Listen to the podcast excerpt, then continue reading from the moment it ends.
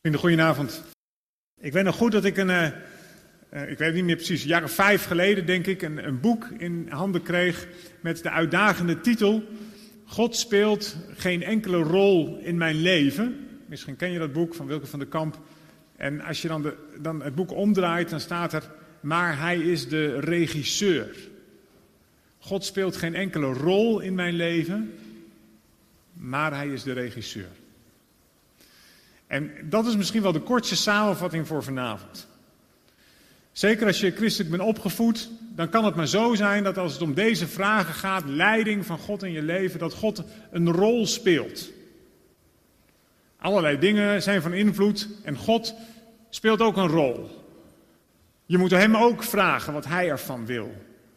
In plaats van dat hij de regisseur van ons leven is. Met andere woorden, alles in de vingers heeft in een toneelstuk niet alleen een rol vervult, maar de bedenker van het geheel is. De regisseur. Degene die weet waarom hij gekozen heeft voor dit of voor dat. En, en dat is wel cruciaal en ontzettend belangrijk vanavond om te beseffen. Want als ik het goed zie, mijn eigen leven, maar ook in de levens van heel veel gelovigen, wat voor eh, dan ook, dan zijn veel mensen bezig met de vraag: maar hoe wil God dat dan nu van mij? Welke keus moet ik dan nu maken? Ik vond het eigenlijk heel mooi dat de titel voor vanavond hier is: Heere, wijs mij de weg. Maar veel vaker wordt dit onderwerp neergezet als Gods wil ontdekken. Erachter zien te komen wat God nu precies van mij vraagt. Ik zou je dan toch in alle eerlijkheid en nederigheid willen vragen: hoe zie je dat dan voor je? Dat jij nu je leven leidt en het is donderdagavond 5 april. En misschien dat God morgen iets aan je geeft. En zorg dat je het ziet. Zorg dat je het hoort. Zorg dat je het opmerkt. Want anders ga je een scheve schaats rijden. Anders mis je het doel. Nou, laten we maar even direct aan het begin heel duidelijk zeggen. In het Nieuwe Testament, het tweede deel van de Bijbel, zie je na het Pinksterfeest, waar nog een keuze werd gemaakt vlak daarvoor, en om de discipel Judas te vervangen door Matthias en waar het lot geworpen werd, zie je nergens meer iets wat wijst op toeval, speciale leiding, erachter zien te komen wat God wil. Gods wil ontdekken vind je in het Nieuwe Testament niet meer terug na Pinksteren. En ik wil je vanavond met een aantal Bijbelgedeelten laten zien hoe het dan werkt. Wat dan de weg is die de Heer jou en mij kenbaar wil maken. In het Oude Testament gebeurde dat op heel veel verschillende manieren. Misschien heb je wel eens gehoord van de Urim en de Tumim. Dat, waren, dat was een soort manier voor de mensen eh, van het volk Israël met stenen en met ehm, ehm, nou, het, het, aanroepen van God en het werpen van een lot om erachter te komen wat God wilde. Zo werkte dat. En, en zeker in die tijd sprak God natuurlijk ook door visioenen en door dromen. Iets wat we vandaag de dag nog heel veel zien in gebieden die nauwelijks bereikt worden. Of bijvoorbeeld mensen met een moslimachtergrond die de Bijbel nog niet lezen in hun eigen taal. En die dan door God in een droom duidelijk gemaakt krijgen dat, dat Jezus de weg, de waarheid en het leven is. En zo'n droom leidt uiteindelijk natuurlijk als het goed is altijd naar het woord van God. Je kunt dat nooit afkeuren op grond van, ja dat is een droom, zo werkt God nu niet, of zoiets. Is er vrucht uiteindelijk in iemands leven?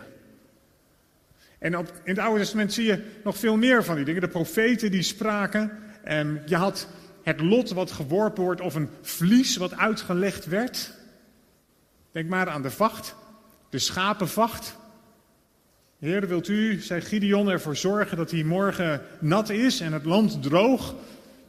En een keer later was het nog dat het land bevochtigd moest zijn van de dauw en de schapenvacht droog was. En er zijn nog steeds een boel christenen, en ik ben er één van, die dat ook op die manier doen. Of deden.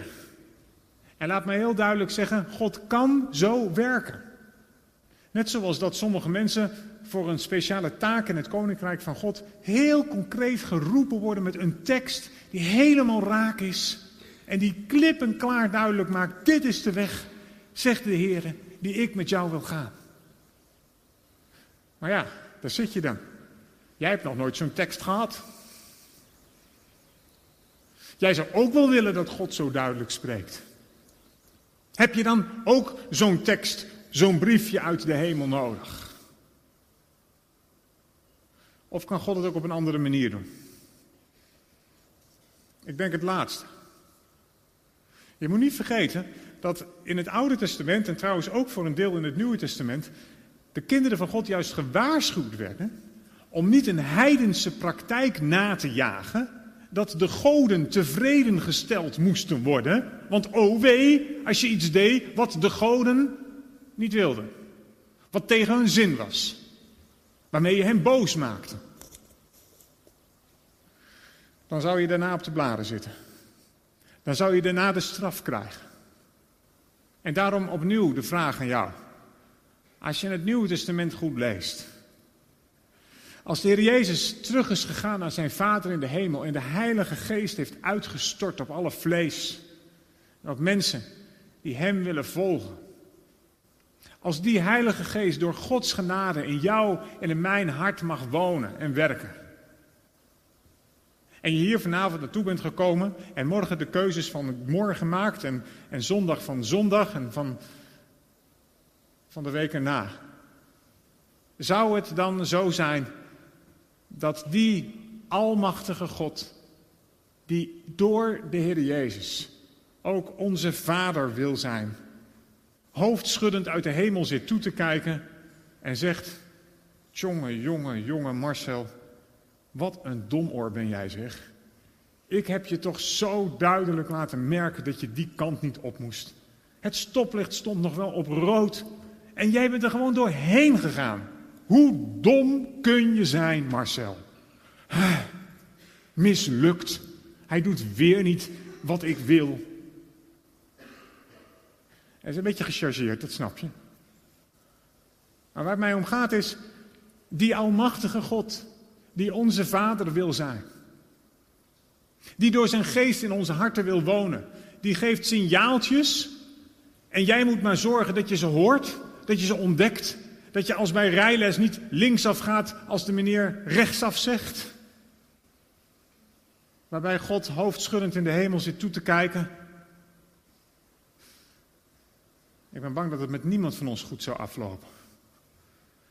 En waarom niet? Omdat we in een kapotte, zondige wereld leven en in een zondig lichaam zitten. En omdat we keer op keer onze eigen keuzes maken. Keer op keer. En God zij dank hangt het niet af van jouw reactie of jouw antwoord of jouw goede verstaan van Gods stem of het uiteindelijk goed met je afloopt.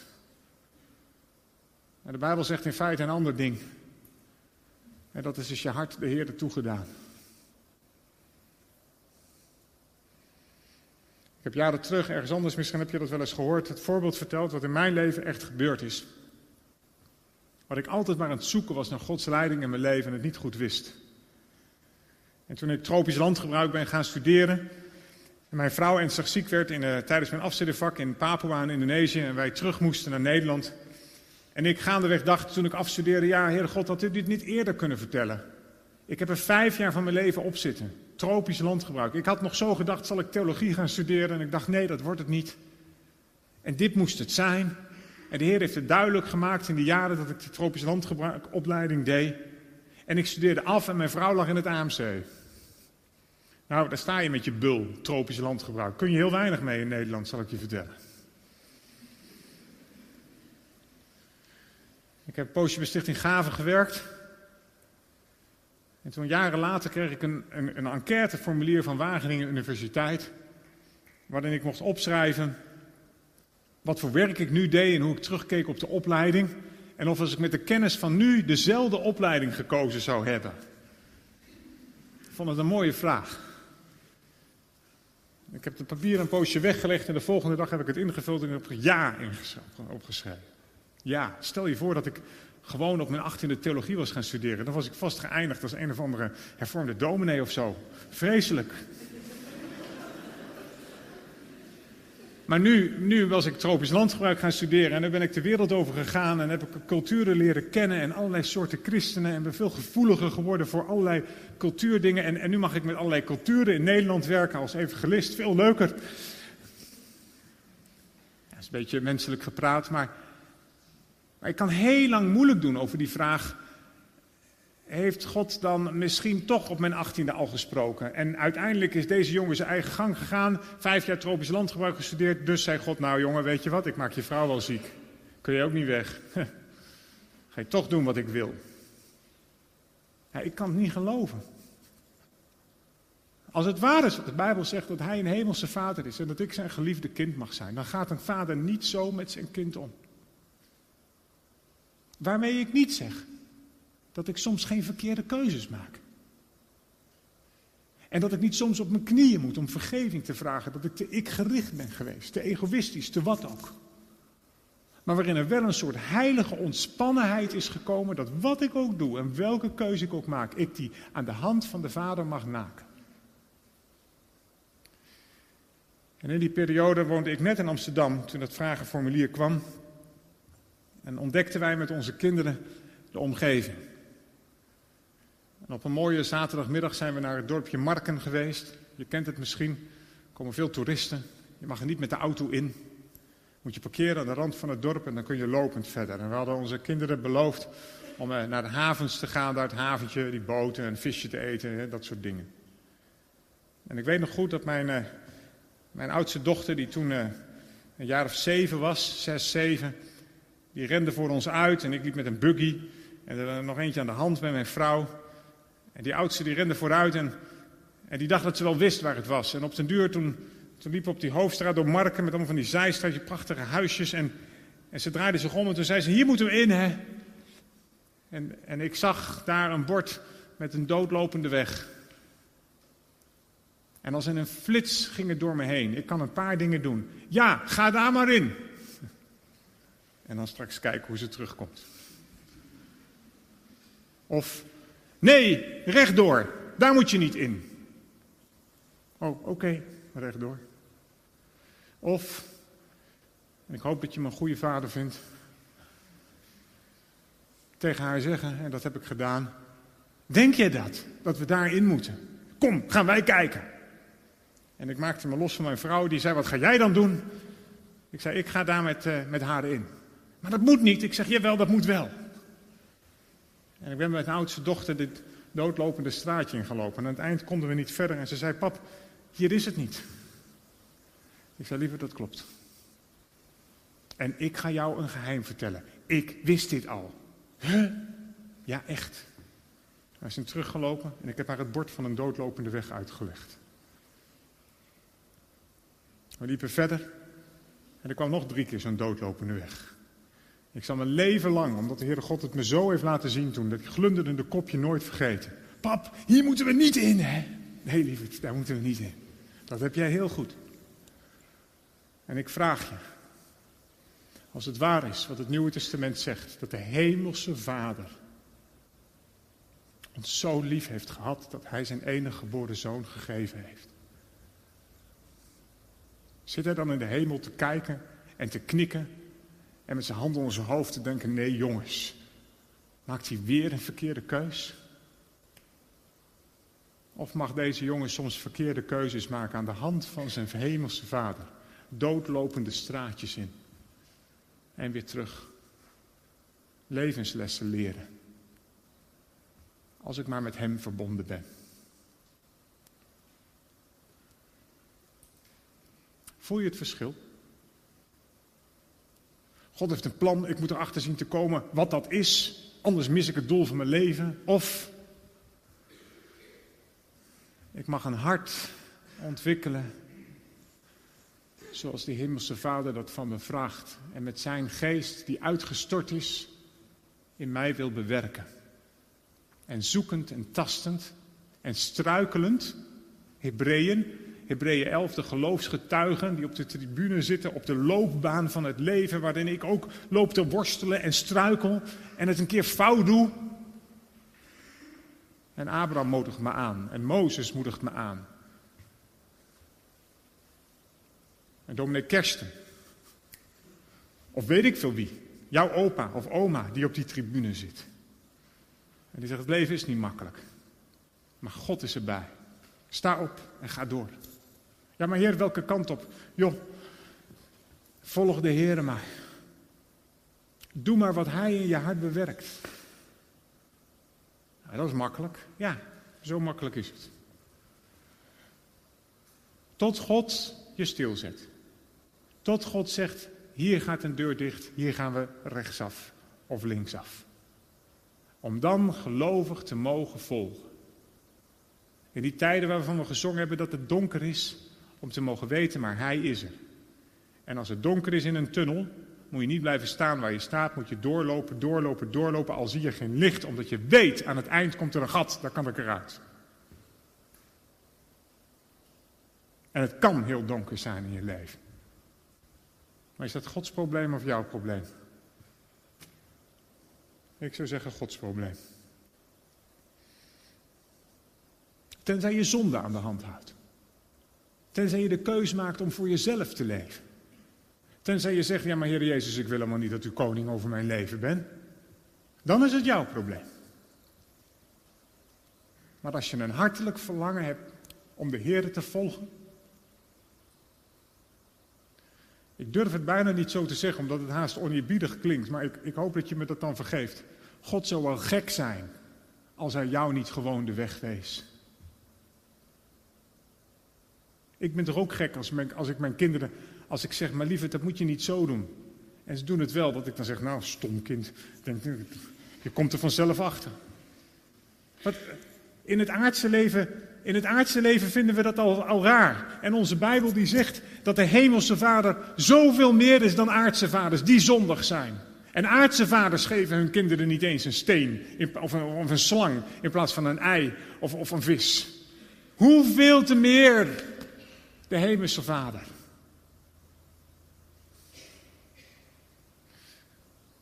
De Bijbel geeft wel wat richtlijnen. Laat me een paar teksten lezen. Waar het heel duidelijk staat. We hebben er één gehad net, in Deuteronomium 31, vers 8. De Heere is het die voor u uitgaat. Hij zal met u zijn. Hij zal u niet loslaten. Hij zal u niet verlaten. Wees niet bevreesd. Wees niet ontsteld. Marcel die las het net met ons. En, en echt waar, waar het om gaat, vrienden, is dat je in het woord mag zijn, in de Heere God mag zijn, dat je met Hem verbonden mag zijn op zo'n manier, ik zou zeggen dat de duivel er niet tussen kan komen. Dat je met de Heere mag zijn. Wees maar, wat er bijvoorbeeld staat in 2 Timotheus 3, vers 14 en 15. Blijf bij wat je geleerd hebt en waarvan u verzekerd bent, omdat u weet van wie u het geleerd hebt en wie u van jongs af de heilige schriften kent, die u wijs kunnen maken tot zaligheid door het geloof dat in Christus Jezus is. Dat moet je doen. Blijf bij wat je geleerd hebt van de Heer, uit zijn woord. En Paulus zegt het verderop in de Thessalonicense.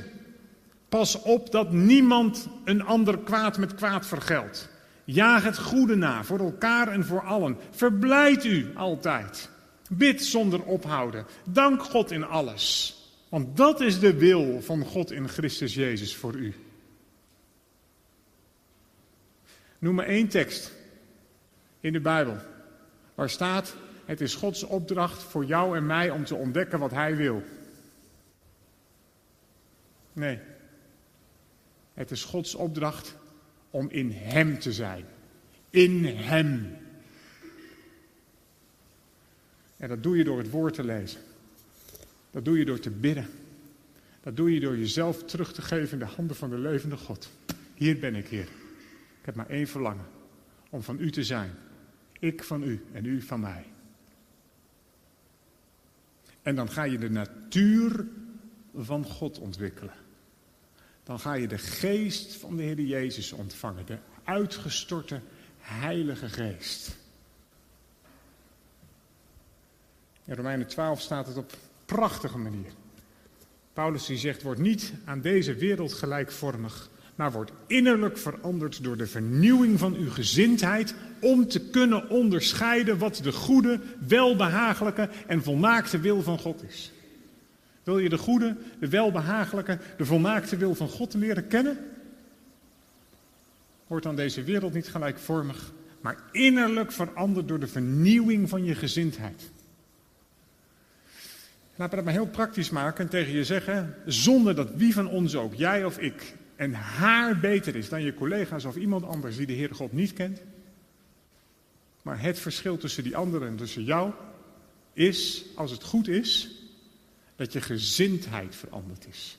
Dat je niet meer leeft voor jezelf, maar voor God en de ander. God liefhebben boven alles en de naaste als jezelf. Je gezindheid is anders geworden. En omdat je gezindheid anders is geworden, heeft de Heere, wonder van genade, een welbehagen in je gekregen. En wilde je stap voor stap leiden in jouw leven. En is het goed om regelmatig die vraag te stellen: Heere, wat wilt u dat ik doen zal? Maar dat is dan de positieve invulling ervan. En niet, oh oh, ik moet wel zorgen dat ik dat doe wat God van me vraagt. Want anders gaat mijn leven mis. Anders ben ik ongehoorzaam. Heel je leven mag de Heer toegewijd zijn. Niet een stukje, alles. Niet alleen op het moment dat je geroepen wordt door een Bijbeltekst. Wat kan? Maar dat je hele doen en laten, dag en nacht zou ik zeggen, 24-7, met God verbonden is. Het is goed om stille tijd te houden. Het is goed om het woord te bestuderen. Het is goed om te bidden. Maar laat het niet in de plaats komen van je dagelijkse gang met God. Op je fiets, in de trein, in een ontmoeting ergens naartoe, in je gesprekjes.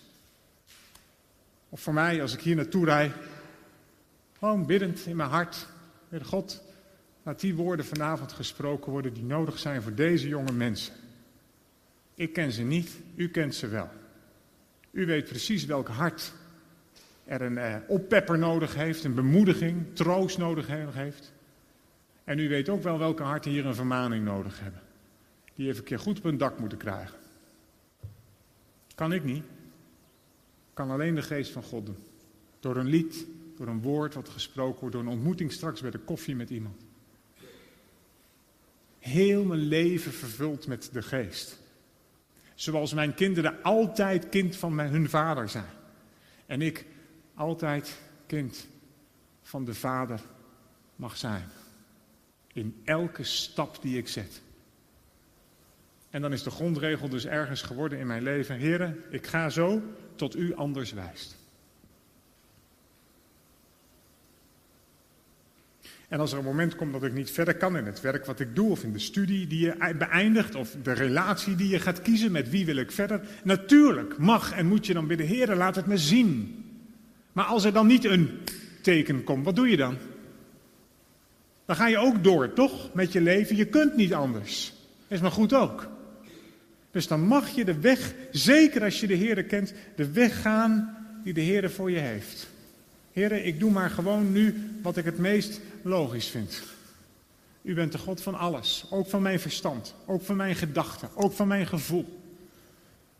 En niet alleen de bijzondere momenten, God, die spreekt op de kruispunten of de T-splitsingen in je leven. Alles mag op de Here gericht zijn.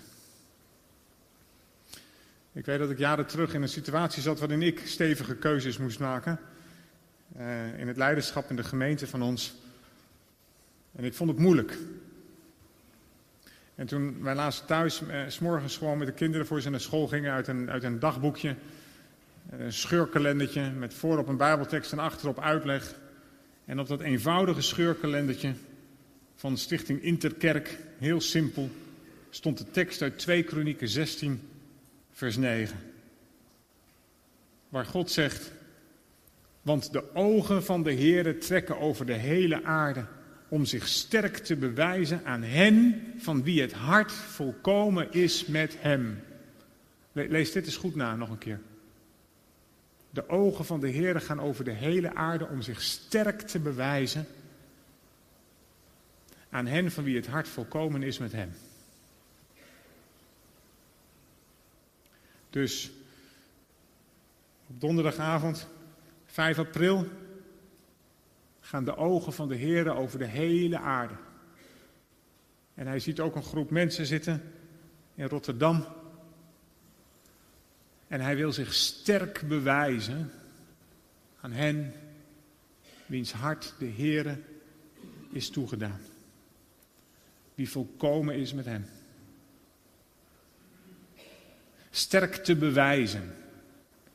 De nieuwe Bijbelvertaling zegt om iedereen hulp te bieden die hem met de hele hart is toegedaan. En de vraag vanavond voor jou en voor mij is, is jouw hart de Heer toegedaan? Als dat zo is, staat de Heer klaar om zich sterk te bewijzen. Luister goed. De Bijbel zegt er is niemand die verstandig is. Er is niemand die God zoekt. Zelfs niet één. En hier zegt God, hier zegt de Bijbel, de ogen van de Heer gaan over de aarde op zoek naar mensen die zijn wil zijn toegedaan. Hoe kan dat dan? Er is toch niemand die God zoekt? Er is toch niemand die verstandig is? Nee, maar als God in hun levens heeft gewerkt, als God die onberouwelijke bekering tot zaligheid heeft neergelegd in je hart, als je Hem hebt leren kennen, dan mag je Hem wel toegedaan zijn. Deze tekst is voor mij zo belangrijk geworden, vooral als er aanvechtingen van de duivel zijn. Die ik in ieder geval ken en jij misschien ook. Ik zal het nooit vergeten op mijn studeerkamer achter mijn bureau. Op maandag, toen ik mijn preek weer maakte voor de komende zondag. Het was alsof Satan er letterlijk zat. Hé, hey, huigelaar, wat denk je? Gisteren een mooi verhaal op het podium gehouden, zondag weer? Kijk naar jezelf. En ik wist, ik moest hem gelijk geven. Wie ben ik? Net zo hard te strijden heeft met zonde of met verleiding als jij. Wat zeg je dan? Ik heb uiteindelijk tegen Satan gezegd: Je hebt gelijk. Je hebt gelijk. Maar één ding vergeet je. En dat is dat dit hart de Heerde is toegedaan. Ja, het maakt fouten. Ja, het maakt verkeerde keuzes. Maar zeg niet tegen me dat mijn hart de Heere niet is toegedaan, want dat is wel. En dat weet ik heel goed. Waarom? Omdat God dat in mijn hart heeft gelegd. Er is niks van mij bij. Als ik Hem zoek, als ik een verlangen heb om Hem te dienen, dan is dat Gods werk. Heb jij dat verlangen? Heb je een verlangen om de Heer te volgen? Laat je dan niet wijsmaken dat ons hart natuurlijk van nature niet de Heer is toegedaan. Ja, natuurlijk. Dat is ook zo. Dat staat in de Bijbel. Maar, maar als je een verlangen hebt gekregen om Hem te volgen, dan heeft de Heilige Geest kennelijk gewerkt in je leven. Wees daar maar verwonderd over. In plaats van jezelf de komende jaar de vraag te stellen: ja, jongen, is mijn hart nou de Heer volkomen toegedaan of niet? Tja, ja, ja, ik zie toch zonde bij mezelf. Nou, eh, onthoud het, dat blijf je tot je laatste snik hebben. Of jouw hart de Heer is. De, Satan die zei niet tegen mij, die zei dat ik een huigelaar was, dat ik dingen fout maakte, dat ik dingen fout deed. Dat is, dat is misschien allemaal waar, maar ik, mijn hart was hem toegedaan. Daar kan hij niet aankomen. En daar doet de Heer een belofte aan. Niet aan mensen die heilig leven, niet aan mensen die het voor elkaar hebben, niet aan mensen die het redelijk lukt om zonder zonde te leven. En mensen wiens hart de Heer zijn toegedaan. Daar wil hij zich krachtig aan bewijzen. En dan ga ik nog een keer zeggen, waarvan ik net heel voorzichtig zei. God zou toch gek zijn als hij jouw hart heeft veranderd. Van een onwillige een gewillige heeft gemaakt. Van een stenen hart een vleesen hart heeft gemaakt. En vervolgens zegt hij, nou, en nou moet je erachter zien te komen wie ik ben, hè. En nou doen wat ik wil. En OW, als ik zeg rechts en jij gaat links. God wil niet liever dan dat je zoekend en worstelend de ene deur opent en de andere deur. De Heer laat zich vinden. Ik zal door jullie gevonden worden, spreekt de Heer. Ik zal mij door jullie laten vinden. En dat geldt misschien in de bekering, maar ook in de heiligmaking, in je leven met God. Ik zal me door jullie laten vinden, zegt de Heer. Ik weet niet hoeveel van jullie kinderen hebben. Nou, ik heb ze. En ik heb heel wat keer verstoppertje gedaan in mijn eigen huis. En ik ben een beetje fanatiek volgens mijn vrouw. Dus er is geen plekje onbenut gebleven in ons huis. Ik weet nog goed dat ik boven op de kast zat. In de slaapkamer van mijn zoontje. Hij vond me niet. Nou, ik was na een kwartier goed klaar. Dat zeg ik je wel. Boven op de kast. En als je zoontje dan zegt, pap maak eens een geluidje, dan weet je hoe snel je een geluidje moet maken. Dat is niet eerlijk. Heeft hij niet... Nou, dat is heel eerlijk. Dan gaat hij weer. Dat, dat is al in het aardse leven zo. En ik vraag het je in alle eerbied en ernst. Hoeveel van ons zeggen, ja, ik hoor niks. Dat kan. Maar wat betekent dat dan? Dat God dood is? Dat hij je niet wil? Hij zal zich door je laten vinden. Misschien moet je iets beter luisteren naar zijn geluidjes.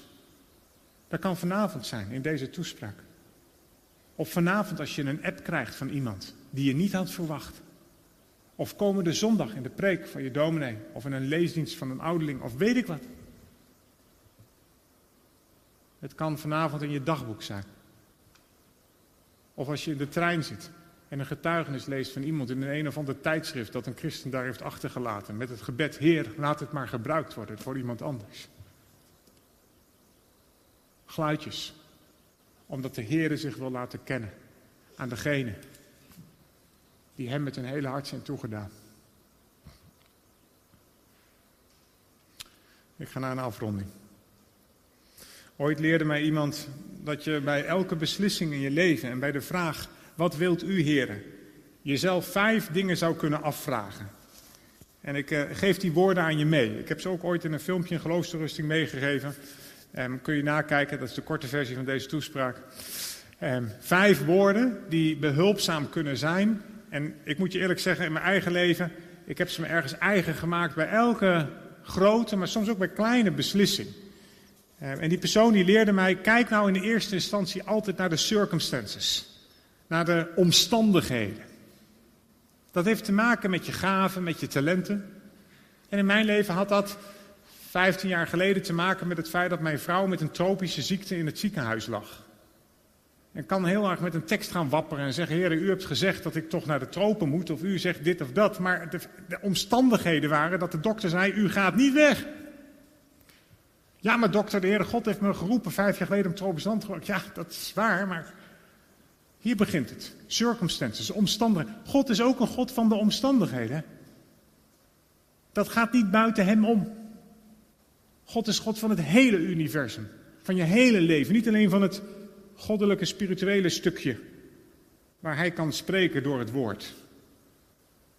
En als je geen gave of talenten hebt voor dit, dan is de kans groot dat God je niet daarvoor vraagt. Dat is wat anders als wat Paulus zegt, dat je soms in de bediening die de Heer je geeft, in de weg die de Heer met je gaat, met lege handen staat en denkt, oh Heer, uw kracht moet zichtbaar worden in mijn zwakheid, want dit kan ik niet zelf. Maar de omstandigheden, die heeft God gemaakt. De tweede C is die van common sense. Je gezonde verstand heeft daar veel mee te maken. Kan dit op dit moment? Is deze keus verantwoord? De Heer is ook de God van je verstand en niet alleen van je hart.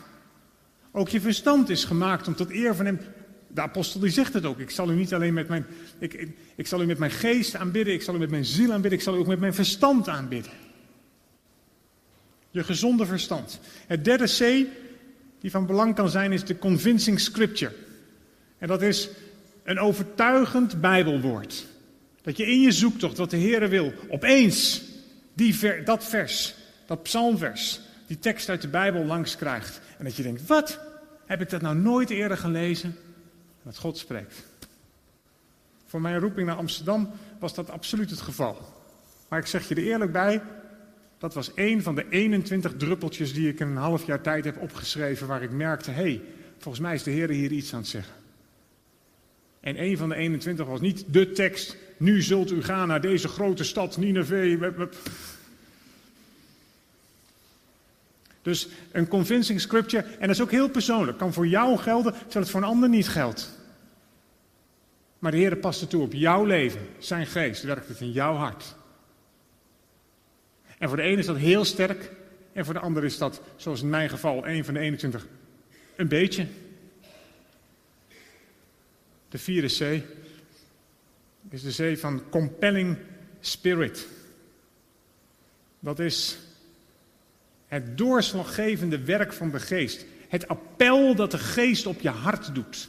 Daar waar je harder van gaat lopen. Daar waar je hart harder voor gaat kloppen. Dat wat, wat jij van de Heer kreeg, wat een ander niet heeft. Ik sprak net met iemand die heeft, ik weet niet eens meer hoe het heet, maar die heeft iets gestudeerd over eh, van vroeger hoe je erfgoed en zo eh, kunt ehm, eh, bewaren. En eh, schilderijen kunt restaureren en andere gekkigheden. Dat is toch fantastisch, dat sommige mensen het op hun hart hebben om historisch erfgoed te bewaren. Ik, ik heb een vriendengroep met allemaal mensen die ooit uit de Gergem Kampen kwamen. En een van ons is verpleeghuisarts geworden. Nou, vorig jaar waren we een weekendje weg met de jongens van die, van die vriendengroep. Ik zeg, Jeroen, dan moet je me er toch eens vertellen. Verpleeghuisarts. Ik weet, straks zijn hier ook verpleeghuisartsen. Maar als je dokter wil worden, dan denk ik, dan moet je dokter willen worden dat je mensen, uh, hè, dat ze weer aan de slag kunnen. Maar verpleeghuisarts, ik weet het niet hoor. Maak je wel eens mee dat mensen weer ontslagen worden uit het verpleeghuis? Nou, nee, nee. Tot Jeroen mij leerde, ja Jeroen, dit zegt eerder iets over jou dan over mij hoor. Hij had een hart voor ouderen. En dementen bejaarden. Om hun oude dag een mooie oude dag te laten zijn. Nou, wat fantastisch. Dat God iemand een compelling spirit geeft voor een verpleeghuis. En dat niet iedereen harder gaat lopen voor vervelende Marokkanen of Iraniërs van de jaren 25. Daar loop ik dan toevallig harder voor. Dus de compelling spirit is wat God op je hart legt. Een Amerikaanse dominee die noemt dat your holy discontent. Je heilig ongenoegen. Die kinderen in de sloppenwijken. Gehandicapten die niet dat krijgen wat ze nodig hebben.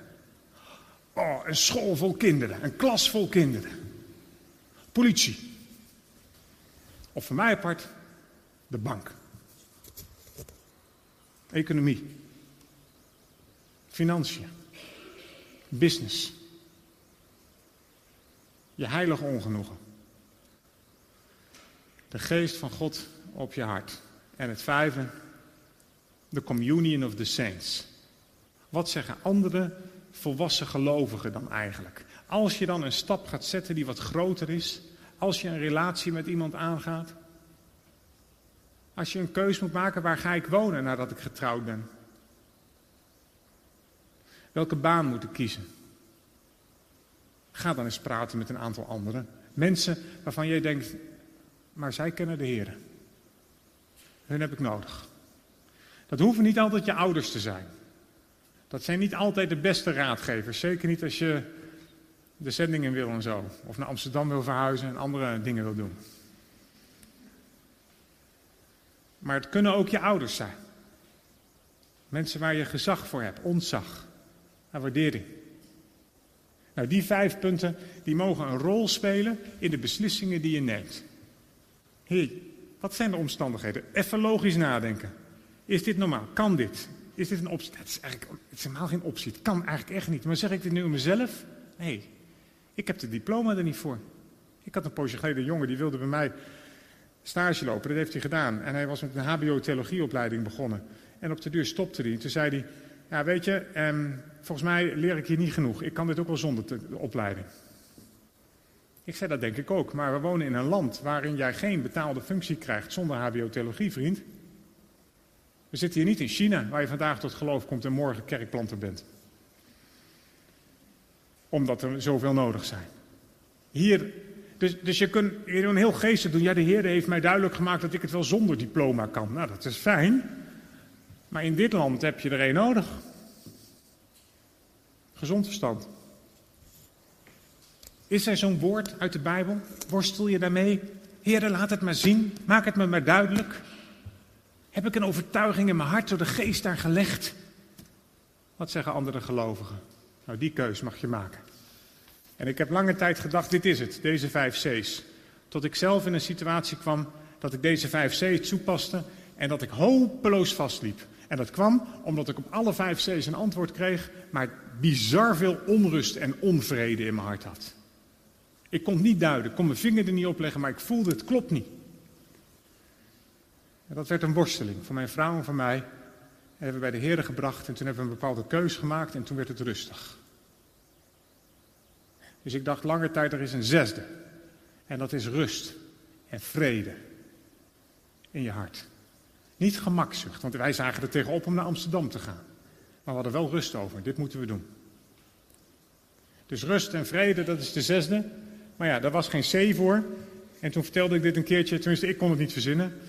Jullie wel? Ik vertelde dit verhaal aan Mohammed, een Iraanse jongen die moslim was en christen is geworden. En hij vroeg zich ook af wat God van hem vroeg qua leiding in zijn leven. En ik had die vijf C's uitgelegd en toen zei ik, maar er komt er nog één bij dat is rust en vrede. Maar er is geen C voor. Toen keek hij naar en zei hij, natuurlijk is daar een C voor. Dat is de C van chilling. dus er moet ergens ook een C zijn van, het is goed zo. Chill. Je voelt wel aan, hoop ik, wat ik daarmee bedoel. Maar misschien moet ik wel zeggen heilige chilling. Het is natuurlijk niet zoiets van, nou ja, het maakt allemaal niet meer uit, jongens, doe je dingetje.